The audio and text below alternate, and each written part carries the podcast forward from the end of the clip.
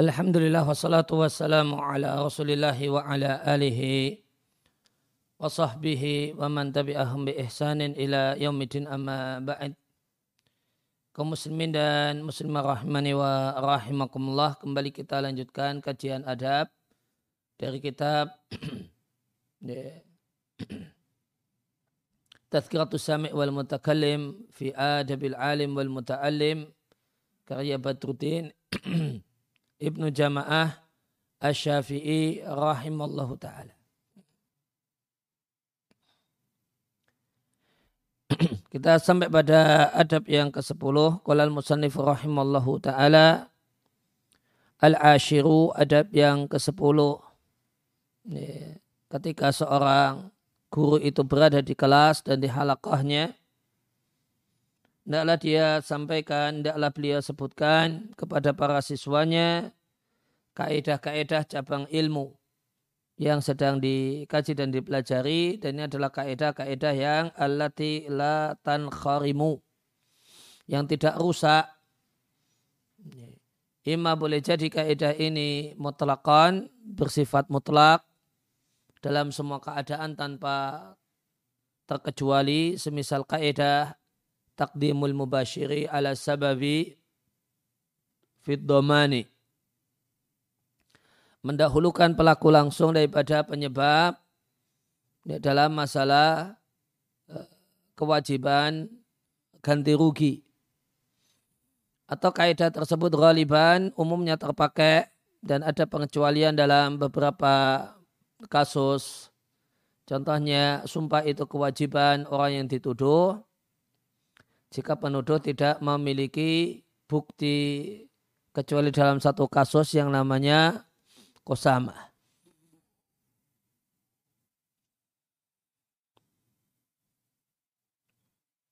Demikian juga menyebutkan sejumlah permasalahan yang terkecualikan dari kaidah semacam kaidah yang mengatakan dalam fikih Syafi'iyah al-amalu bil jadidi dalam madhab, eh, dalam madhab syafi'i al-amal pendapat yang dipegangi adalah kaul jadidnya al-imam syafi'i mingkuli kaulaini. Ketika imam syafi'i itu punya dua pendapat pendapat kodim dan jadid. Maka yang dipakai adalah yang jadid pendapat yang baru yang merupakan fatwa-fatwa al-imam syafi'i ketika di Mesir illa kecuali dalam 14 permasalahan. Kemudian guru menyebutkan 14 itu apa saja. Demikian juga kulu yaminin semua sumpah ala nafyi fi'lil ghairi yang meniadakan perbuatan orang lain fahiyya ala nafil ilmi maka itu artinya adalah meniadakan pengetahuan. Ila manit du'ya alaihi kecuali orang yang dituduh bahasanya budaknya itu melakukan kejahatan.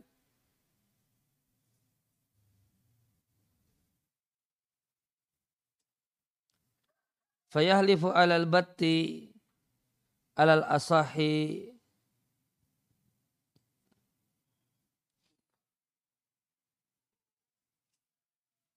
ya lantas uh, pemilik budak lantas eh, bersumpah alal bati, berarti makna asalnya memotong, namun nanti kita lihat uh, penjelasan lebih lanjut. Alal asal menurut pendapat yang paling kuat.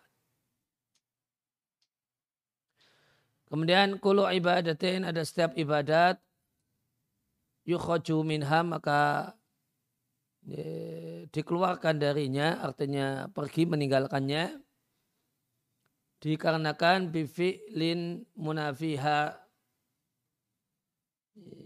Bifi'lin munafiha wa mubtiliha. Ketika orang yang beribadah itu melakukan hal yang meniadakan dan yang membatalkannya. Maka setiap ibadah kalau batal orangnya bubar. Tidak boleh lanjut. Illa kecuali untuk dua ibadah haji dan umrah Ketika seorang itu membatalkan, melakukan hal yang membatalkan haji atau ke umrohnya, tidak boleh pulang ke tanah air. Namun harus dilanjutkan sampai selesai terlebih dahulu. Kemudian ada uh, kaidah setiap wudhu itu wajib adanya urut kecuali wudhu yang takhallalahu khuslul janabati. Kecuali wudhu yang dicelengi mandi junub. Maka boleh tidak urut.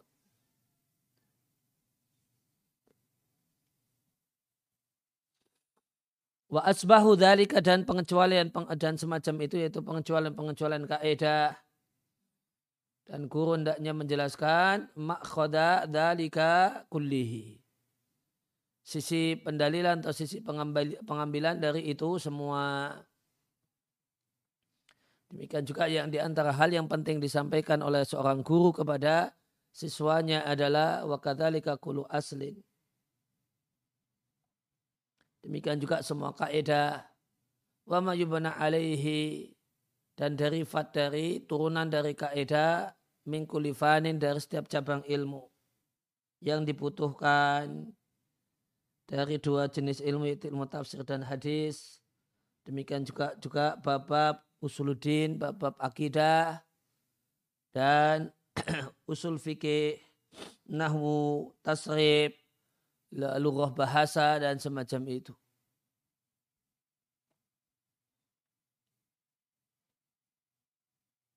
Imam bikiraati kitabin boleh jadi dengan membacakan buku di satu cabang ilmu au bitadrijin atau bertahap ini atau bertahap alat tuli ini mungkin terjemahnya meskipun lama gitu. Nanti kita cek lebih lanjut di penjelasannya jika ada. Wahada kulu dan ini semua dilakukan jika seorang guru itu mengetahui dan menguasai berbagai macam cabang ilmu itu. Wa illa jika tidak menguasai berbagai macam cabang ilmu tadi fala yata'aradulah maka jangan menyinggung-nyinggungnya bal yaqtasiru alama yutqinuhu minha namun seorang guru membatasi diri pada cabang ilmu yang dia betul-betul kuasai yang tidak dia kuasai nggak usah nyerempet-nyerempet nggak usah menyinggung-nyinggung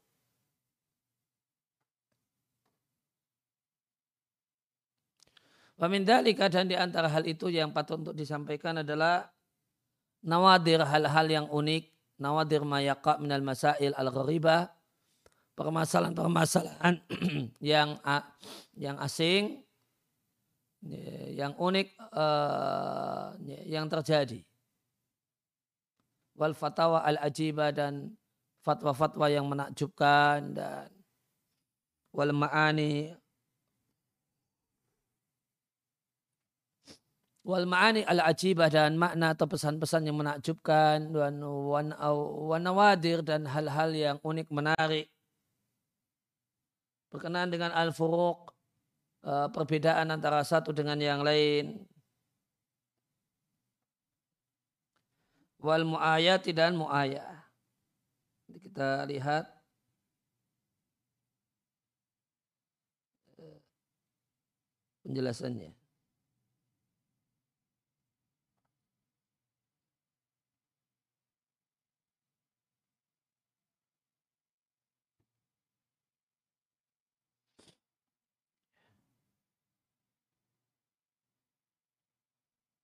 Pemindalika dan di antara hal itu adalah hal-hal yang layak sa'al fadila jahluhu. Ya, tidak boleh orang yang istimewa tidak uh, tidak mengetahuinya. Tidak boleh seorang pelajar, seorang santri tidak mengetahuinya. Contohnya asma'il masyurin. Nama-nama yang orang uh, para sahabat dan tabi'in yang terkenal. Ya, jangan sampai ada santri kok nggak tahu Hasan al Basri, sahabat atau tabiin. Jangan sampai uh, santri tidak tahu Anas bin Malik itu sahabat atau tabiin atau bahkan siapakah dia. Ya, maka guru harus mengejarkan dan menekankan hal ini. Dan orang-orang setelahnya dari para imam kaum muslimin dan kibari zuhad wassalihin. Orang yang zuhud atau al-ibadah yang besar. Semestinya seorang penuntut ilmu tahu nama-nama orang yang terkenal dengan kezuhudan, Fudail bin Iyad, Ibrahim bin Adham, Malik bin Dinar, dan seterusnya. Wassalihin dan orang-orang saleh. Semacam empat khulafa Rashidin, kemudian enam orang sisa dari asrah mubasyarun nabil jannah, kemudian uh, An-Nuqoba Al-Ithnai Asyara uh, eh, 12 pemimpin di, di 12 pemimpin uh, Ansar kemudian Badriyin sahabat yang veteran perang Badar wal Mukthirin sahabat yang paling banyak meriatkan hadis Abadilah empat sahabat yang nama depannya Abdullah Abdullah ibn Abbas ini, Abdullah bin Umar ini, Abdullah bin Amr ibn Al-As dan Abdullah bin Zubair wal fuqaha usaba'ah tujuh ahli fikih di kota Madinah di zaman tabi'in, imam mazhab yang empat. Nah, ini ini orang-orang terkenal yang penuntut ilmu, santri, dan orang yang rajin ngaji harusnya hafal. Ya, maka penuntut ilmu, santri itu semestinya eh, menguasai nama-nama mereka, bahkan kunyahnya plus umurnya dan tahun wafatnya dan wa ma min mahasini adabi dan berbagai macam adab mereka-mereka yang indah yang bagus yang bisa diambil faedahnya demikian juga hal-hal yang unik dari ya, peristiwa kehidupan mereka fayasulullahu ma'atuli maka dengan lama belajar maka penuntut ilmu mendapatkan banyak manfaat wanafais dan hal-hal yang berharga yang banyak dikumpulkan. Kemudian wal yahdar kulal hadari.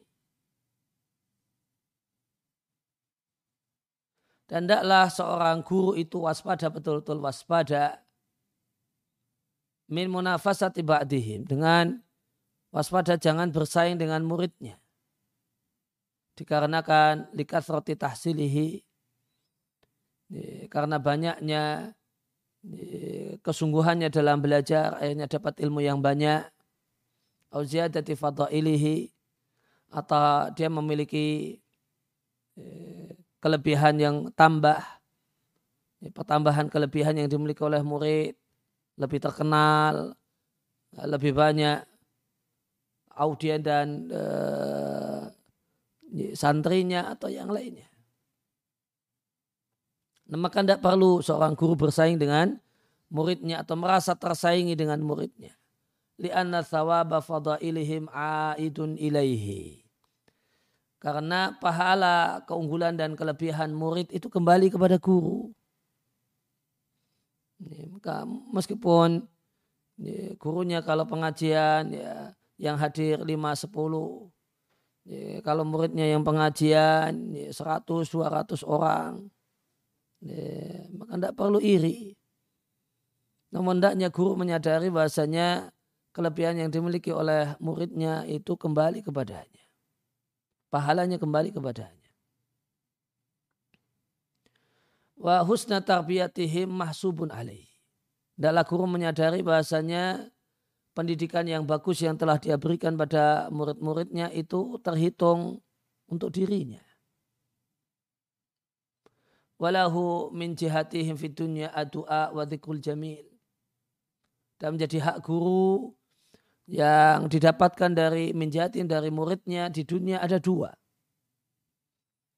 Seorang guru memiliki hak yang semestinya diberikan oleh para murid dua hak di, Eh, dan ini hak guru di dunia.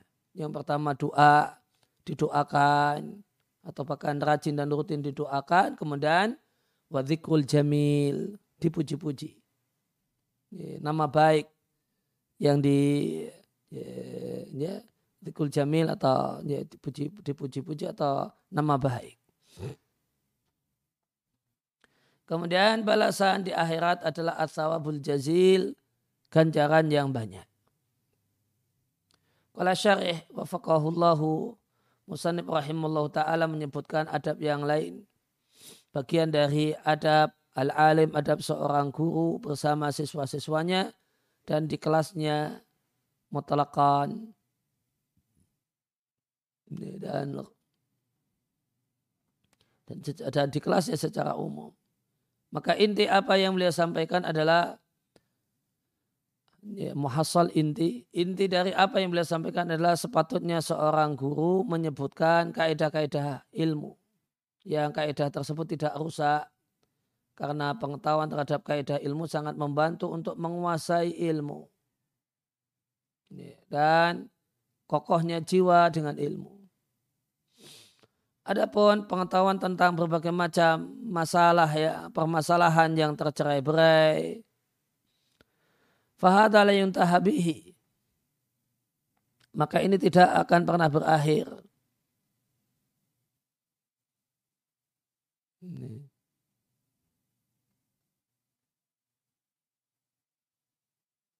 Maka permasalahan-permasalahan yang tercerai-berai maka itu tidak bisa menjadi sarana yang mengantarkan kepada ma'akhidil fanni sisi pengambilan satu cabang ilmu dan akhirnya. Ya hanya saja yuntabihi berakhir kepada tilkal masa ilfaqat berakhir pada uh, kasus dan permasalahan-permasalahan itu saja.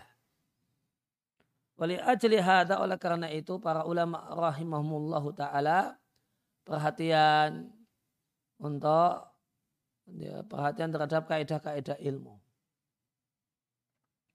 Dan mereka menyebutkan bahasanya pengambilan ilmu yang paling kokoh adalah dengan menguasai kaidah. Ini lebih penting, fauqa lebih penting dibandingkan penguasaan terhadap berbagai macam permasalahan dan kasus. Sebagaimana yang disyaratkan oleh guru kami Ibnu Thaimin rahimallahu taala di mukaddimah mandumah beliau untuk qawaid fiqhiyah idqal Syekh Muthaimin mengatakan wa ba'du fal ilmu buhurun zakhirah la yablugha al-qadihu fiha akhirah lakinna fi usuli tashila linailihi fahris tajid sabila fal ilmu maka ilmu itu bagaikan lautan zakhirah yang luas tak bertepi.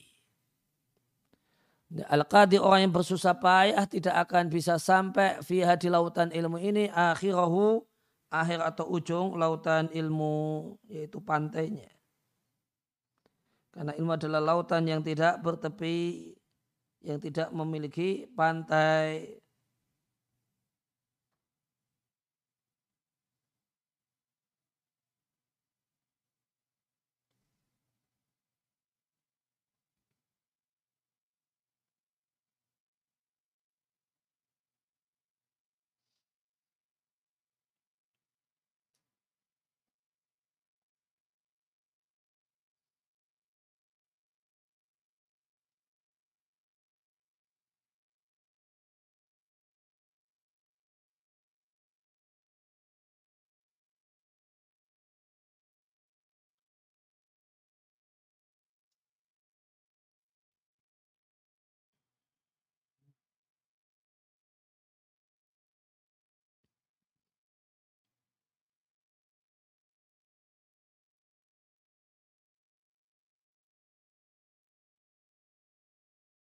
ya, yang luas.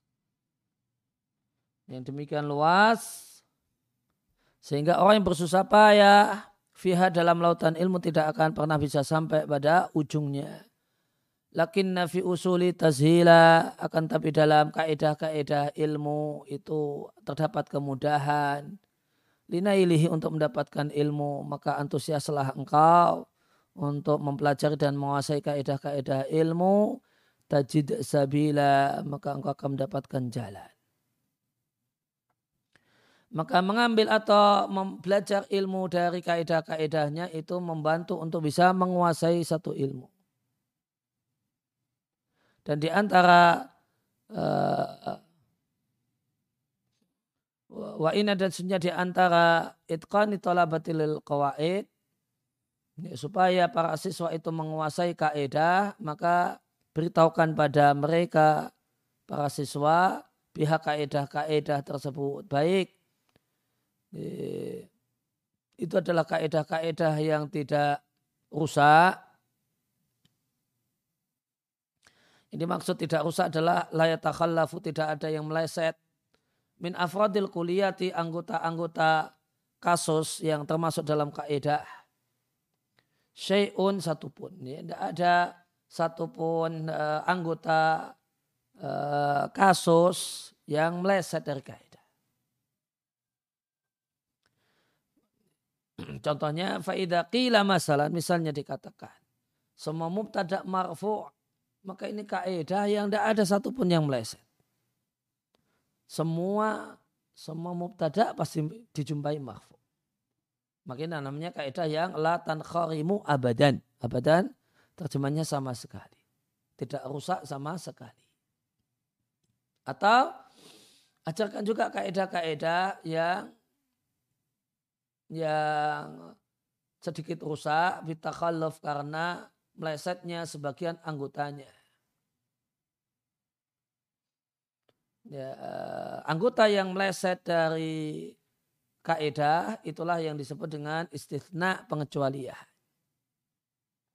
Di antaranya adalah apa yang disampaikan oleh para ulama fikih dalam kaidah-kaidah para ulama fikih berkenaan dengan pengecualian berbagai macam permasalahan dari kaidah.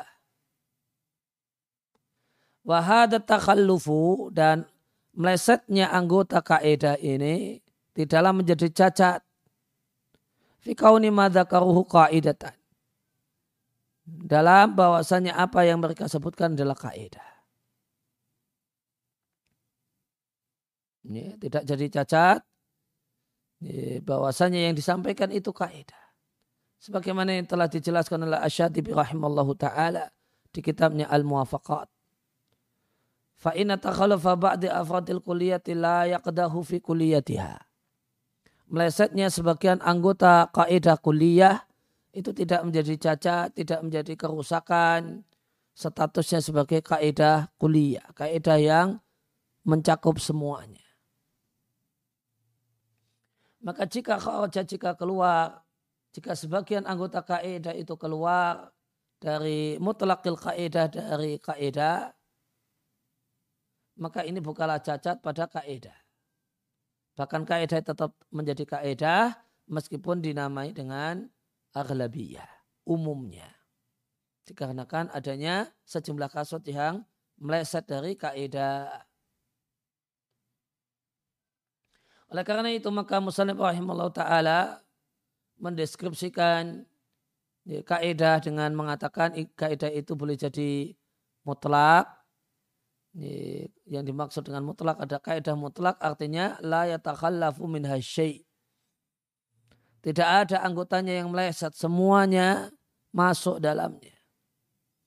Contohnya tadi, semua mubtada marfu. Atau ghaliban umumnya yaitu kaidah aghlabiyah.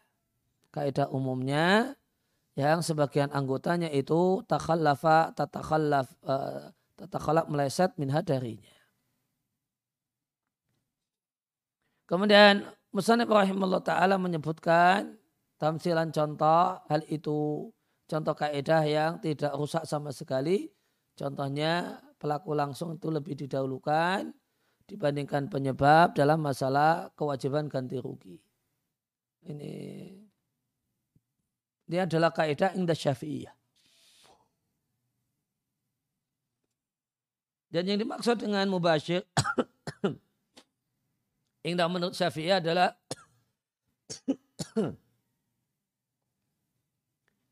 ya, pihak yang mewujudkan ilah itlak, merusak, wal ihlak dan menghancurkan. Dan yang dimaksud dengan sabab adalah mewujudkan sesuatu yang dengan sesuatu tersebut terwujudlah, terjadilah kehancuran atau kebinasaan. Contoh, orang yang menggali sumur misalnya, fa'inau aujada sababan. Maka dia mewujudkan dan menciptakan sebab. Fakat yaskutu fiha man maka boleh jadi jatuh ke dalam sumber itu orang yang mati karenanya. Ya. Sedangkan uh, mandafa ahadan orang yang mendorong orang lain sehingga jatuh ke dalam sumur dialah pelaku langsung lil ihlak kematian orang itu. Maka jika ada sumur Kemudian ada kasus so, A dorong temannya B masuk ke sumur dan mati. Maka pelaku langsungnya adalah A yang dorong. Penyebabnya itu adalah yang bikin sumur.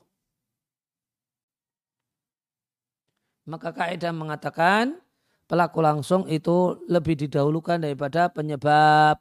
Penyebab adalah yang menggali sumur. Ya, maka pelaku langsung itu lebih didahulukan daripada penyebab dalam masalah kewajiban ganti rugi. Jika dorongnya ini tidak sengaja, maka namanya matinya pembunuhan tidak kematiannya statusnya pembunuhan tidak sengaja. Pembunuhan tidak sengaja ada kewajiban membayar diat, tidak ada kisos. Maka beban diat itu dibebankan kepada pelaku langsung dan tidak dibebankan kepada penyebab atau pembuat sebab. Inilah makna perkataan para ulama fikih mendahulukan pelaku langsung daripada penyebab dalam kewajiban ganti rugi. Warubama dan boleh jadi yang disampaikan adalah kaidah aghlabiyah. Contohnya, sumpah itu menjadi kewajiban orang yang dituduh jika tidak ada bukti. Fa'inal yamina maka sumpah yuk kamu dinilai bikauniha bahasanya sumpah itu dibebankan kepada al-muda'a alaih orang yang tertuduh. Di dalam takun bayinatun jika tidak ada bukti demikian dalam umumnya permasalahan. Kecuali dalam kasus kosama kosama adalah sumpah yang berulang-ulang sampai 50 kali. Bidakwa dalam klaim terbunuhnya maksum. Orang yang terjaga darahnya. Wayatakunu dan sumpah ini menjadi kewajiban aulia udam, keluarga korban yang mengklaim ada seseorang yang membunuh fulan yang merupakan bagian dari keluarga itu. Fa'inahum maka mereka yang menuduhlah yang ya taqaddamu nabil yamini ya yang maju untuk bersumpah. Jadi ada seorang yang mati dan ada indikator kuat siapa pembunuhnya. Namun tidak ada bukti, tidak ada saksi. Hmm, misalnya si A mati dan dijumpai terkapar di teras rumahnya B. Dan diketahui A dan B itu bermusuhan.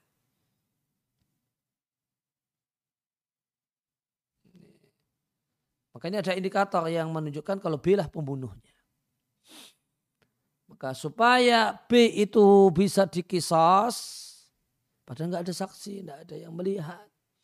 Maka keluarganya sumpah sampai 50 kali sumpah, menyatakan bahasanya B lah pembunuh A keluarga kami. Maka di sini dalam bab kosama penuduhlah yang bersumpah.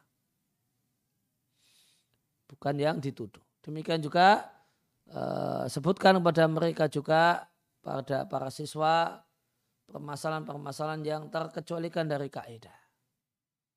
Semacam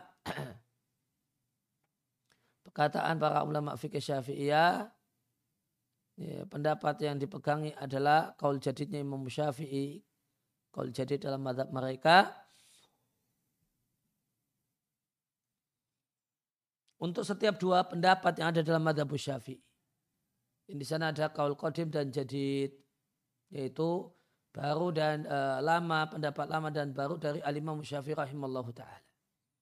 Karena alimah musyafi'i punya pendapat-pendapat lama di Irak dan pendapat-pendapat baru di Mesir. Namun syafi'iyah pendapat yang dipegangi adalah kaul jadid. Ini pendapat baru yang dimunculkan oleh Imam Syafi'i di Mesir kecuali dalam empat permasalahan yang ini sudah muqayyadah, sudah dicatat oleh para ulama syafi'iyah, maka hendaknya guru menyampaikan pada siswa-siswanya permasalahan-permasalahan tersebut yang pakai al-amal fiha, yang pendapat yang dipegangi dalam empat masalah ini adalah masih tetap pada kaul kodim, pendapat lama. Wami jumlah tidalika dan di antara bagian dari hal itu adalah setiap sumpah yang meniadakan perbuatan orang lain maka itu meniadakan ilmu kecuali orang yang dituduh bahasanya budaknya itu melakukan kejahatan.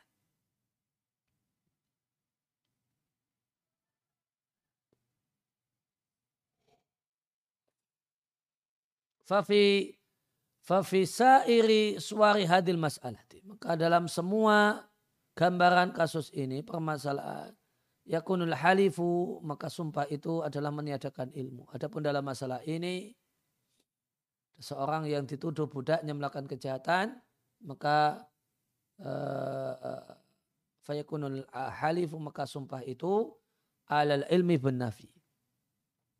Untuk pengetahuan kalau memang betul-betul tidak ada. Ini, maka kita lihat Faman itu ia alaihi maka siapa yang dituduh. Bahasanya budaknya melakukan kejahatan. Fa'inau yahlifu maka majikannya bersumpah bahasanya dia tahu dan yakin kalau budaknya tidak melakukan hal tersebut. Nah, maka ini sumpah dalam keadaan tahu dan yakin. Lain halnya dengan yang pertama, fa'inahu min nafil ilmi. Maka itu cuma meniadakan pengetahuan. Kalau yang kedua kasus budak, ini adalah ya, sumpah dalam keadaan mengetahui kalau itu tidak ada. Sehingga al-batta itu bisa maknanya tegas. Sehingga fayahli maka majikannya bersumpah alal bati secara tegas ya, alal asam menurut pendapat yang paling kuat dia harus uh, ya, sumpahnya sumpah dengan bahasa tegas kalau budaknya dia tahu budaknya tidak seperti itu.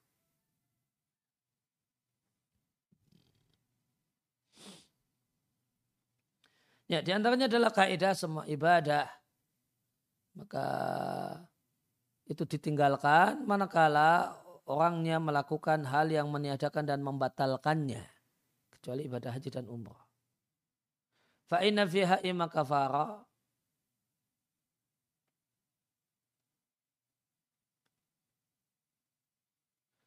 Karena kalau uh, uh, pahala haji, uh, kalau ibadah haji atau umrah itu batal,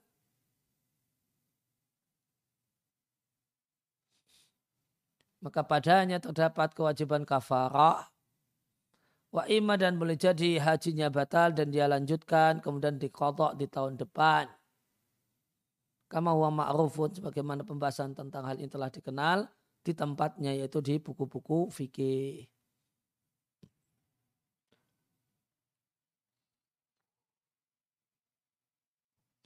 Ya, jika hajinya itu adalah haji Islam, haji yang pertama, kemudian batal, maka tetap dilanjut. Kemudian ada kewajiban untuk kalau mampu untuk mengkodok menunaikan haji wajib tersebut tahun depan. Ditambah ada kewajiban kafara menyembelih seekor unta. Contoh yang lainnya, kaidah yang lainnya adalah setiap wudhu wajib adanya tertib urut. Bahwa maka urut itu salah satu eh, hal yang wajib atau rukun dalam wudhu. Kecuali wudhu yang diselingi oleh mandi junub. Artinya ada seorang yang sedang mandi junub kemudian berwudu di tengah-tengah mandi itu boleh tidak urut. Maka pada saat itu tidak wajib baginya urut dalam wudunya. Karena dia tenggelam dalam ibadah yang lebih besar. Yaitu mandi junub dan masalah-masalah yang semisal dengan itu. Maka guru hendaknya menjelaskan sisi uh, sisi pengambilan, sisi penyimpulan dari itu semua. Dan ini adalah dalam rangka takaid uh, membentuk kaidah wa ta'sil dan meletakkan pondasi. Uh, Liya'rifa al-akhidu anhu supaya orang yang mengambilnya itu mengetahui tempat pengambilan permasalahan ini. Kenapa uh, bisa kesimpulannya demikian itu gimana ceritanya dan jalannya. Dan di antara hal-hal yang sepatutnya disampaikan oleh guru kepada para siswanya adalah sampaikan kepada mereka setiap kaidah dan turunan dari kaidah di setiap cabang ilmu yang diperlukan.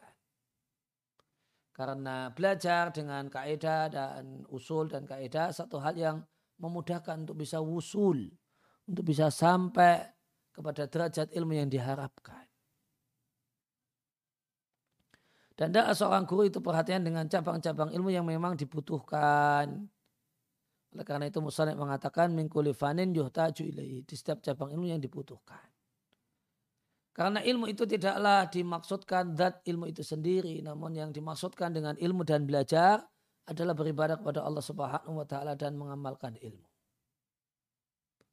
Fayakunu awlal ulumi maka ilmu yang paling utama yang kita menyibukkan diri dengannya adalah ilmu yang dibutuhkan. Dan di antaranya adalah ilmu tafsir dan hadis dan bab-bab usuluddin, usuluddin sama dengan akidah dan usul fikih, nahwu, sarab, lughah, lughah itu penguasaan terhadap kosakata atau kamus dan semacam itu.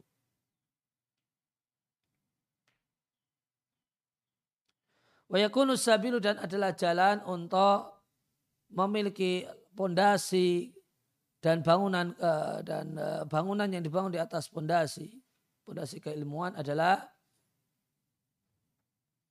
boleh jadi dengan membaca buku di satu cabang ilmu dengan syarat bukunya adalah buku yang ringkas dan bukunya adalah buku yang muktamad buku standar. Maka siapa ingin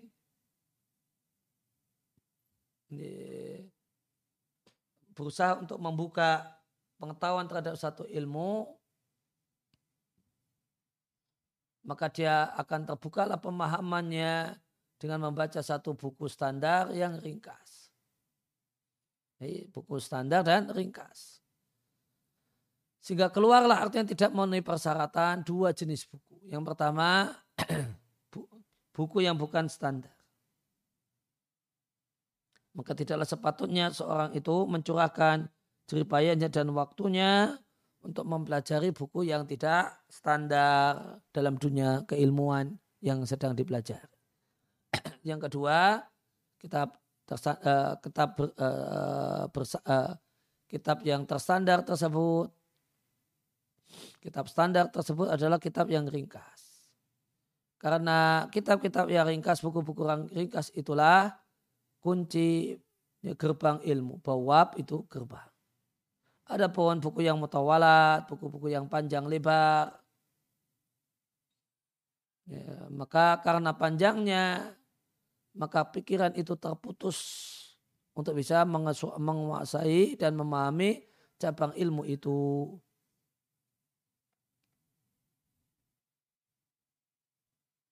Fa'ilam yakun kadalik, maka jika tidak demikian, eh, bukan buku yang memenuhi kriteria yang telah disebutkan atau kemudian maka jika tidak belajarnya tidak mengacu pada buku tertentu dalam satu cabang ilmu maka yudari juhu ala tuli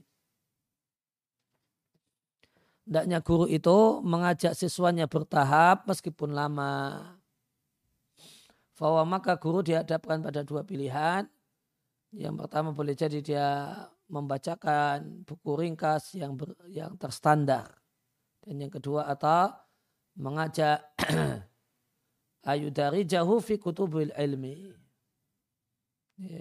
Mengajak muridnya untuk bertahap dalam buku-buku ilmu dengan membacakannya, uh, membaca buku ringkas, kemudian yang yang sedang, kemudian yang tebal. Maka ilmu itu dipelajari dari tiga urutan ini. Sebagaimana kata Ibnu Khaldun di Muqaddimahnya. Maka ilmu itu dikonsumsi pertama kalinya dari yang ringkas. Kemudian naik kepada yang pertengahan. Buku-buku yang pertengahan. Kemudian ya talik dia telaah setelah menguasai pertengahan. Dia, dia telaah umati masa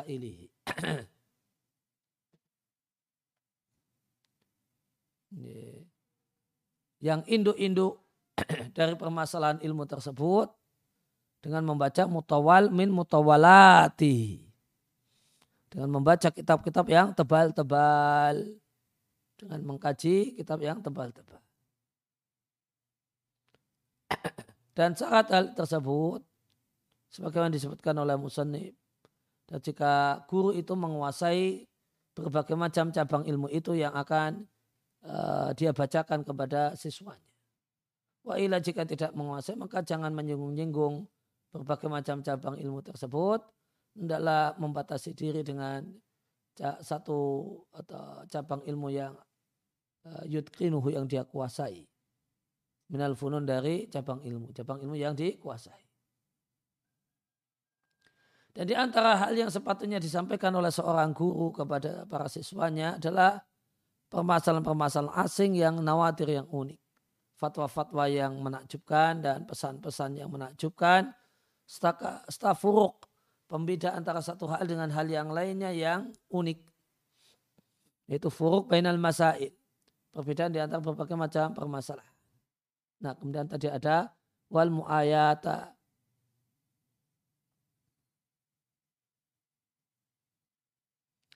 Uh, artinya mayul ghas yang bisa dijadikan teka-teki. Fayakunu lurzan maka jadilah teka-teki karena al ghas teka-teki itu oleh para ulama disebut juga dengan al mu'ayah. Maka di sini kita jumpai faedah makna al mu'ayah. Itu sama dengan al ghas. Ya, teka-teki.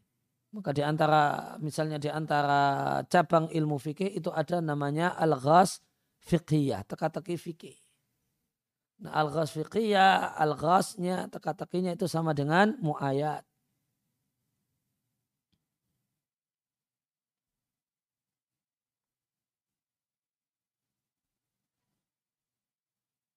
Wa min dhalika dan di antaranya juga adalah guru menyampaikan pada siswanya hal-hal yang seorang yang istimewa, seorang santri itu tidak boleh tidak tahu semacam nama sahabat dan tabi'in yang terkenal dengan juga para imam agama setelah sahabat dan tabi'in semacam uh, al-khulafa al-arba'ah empat khulafa rasyidin kemudian enam orang sisanya dan yang lainnya yang merupakan tokoh-tokoh Islam. Maka dikuasai nama dan kunyahnya. Demikian juga adab-adabnya yang indah yang bisa diambil pelajaran. Dan kisah-kisah mereka yang unik dan semacam itu Faina maka seorang siswa akan mendapatkan dengan lamanya waktu uh, manfaat yang sangat banyak manfaatnya, faedah yang sangat banyak manfaatnya dan hal-hal yang berharga yang banyak dikumpulkan karena ilmu uh, inama huwa dhamu syai'in ila syai'in yauman ba'da yaumin. Nah ini kaidah penting dalam masalah belajar. Camkan. Camkan baik-baik.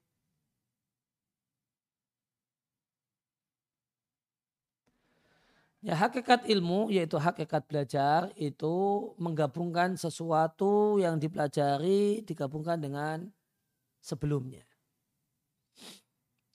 Sekarang dapat satu pengetahuan, tambahkan ini dalam gudang pengetahuan kita sebelumnya.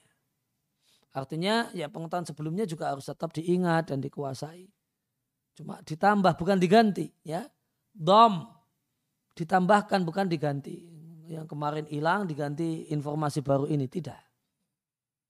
Namun yang kemarin eh, apa yang kemarin telah dipelajari ditambah dengan pelajaran baru ini. Dan ini harus sabar yauman ba'da yaumin. Sehari demi sehari. Dan nanti akan terlihat hasilnya setelah setahun dua tahun. Orang yang cuma belajar misalnya dua jam per hari. Namun dia rutin belajar tersebut. Sampai setahun, oh ternyata setahun itu sudah dua buku yang dia khatamkan. Dua buku yang telah dia tuntaskan. Adapun temannya yang tidak eh, belajar, maka ya tidak ada perubahan apa-apa. Tidak ada perkembangan apa-apa. Yang belajar setelah setahun, dua tahun terlihat. Ilmunya berbeda, wawasannya berbeda, pengetahuannya berbeda. Dan semestinya diharapkan ibadahnya, akhlaknya juga jauh berbeda. Maka ilmu itu la yudraku tidaklah ditangkap jumlah dan wahidatan sekaligus. Namun ilmu itu yudrak dipahami dengan dipelajari syai'an fa syai'an. Sedikit demi sedikit. Sebagaimana penjelasan Bahaudin Ibnu Nahas eh, dalam apa yang disebutkan oleh Suyuti di kitabnya Buriyatul Wu'ad. Fitar Jamati ketika menyebutkan biografi Bahaudin Ibnu Nahas. Maka Bahauddin Ibn Nahas mengatakan al-yawma syai'un wa ghadan mithluhu. Hari ini belajar sedikit, besok juga seperti itu. Dari min nukhabil ilmi allati tultaqatu. Dari eh, pilihan-pilihan ilmu yang dipunguti.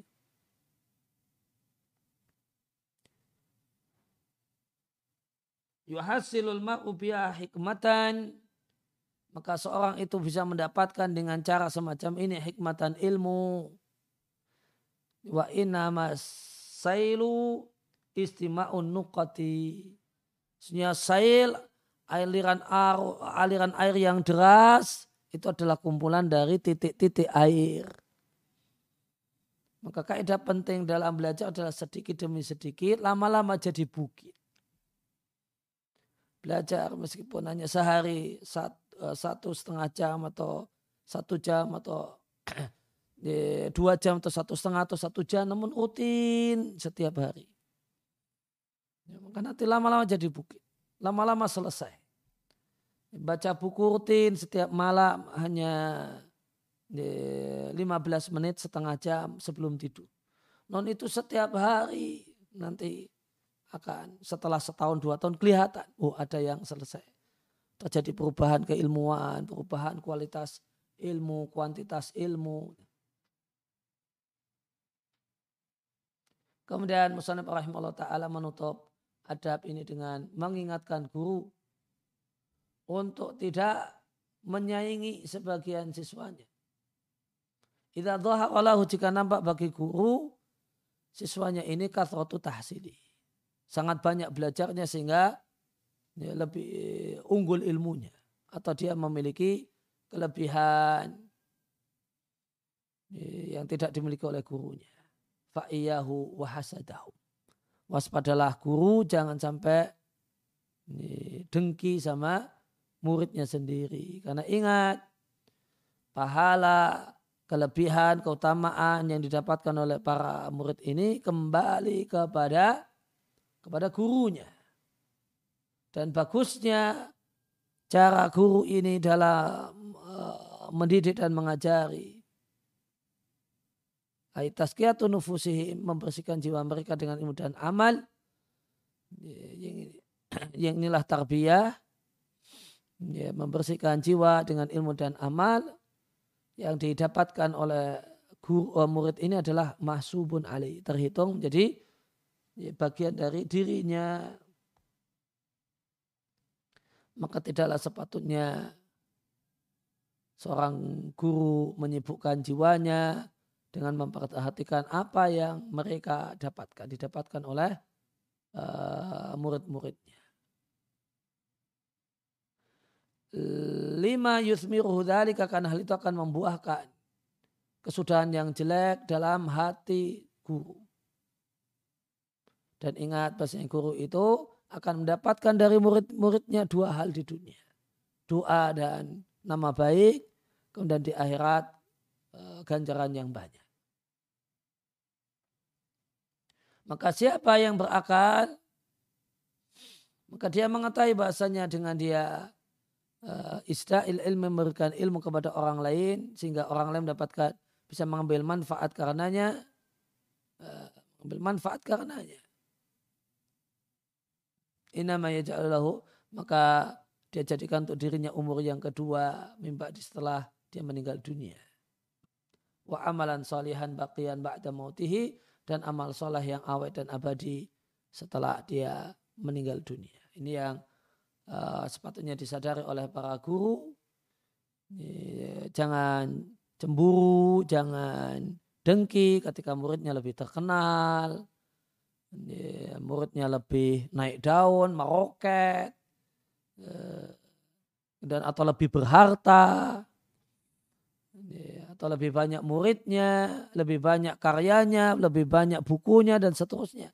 Maka guru jangan uh, dengki.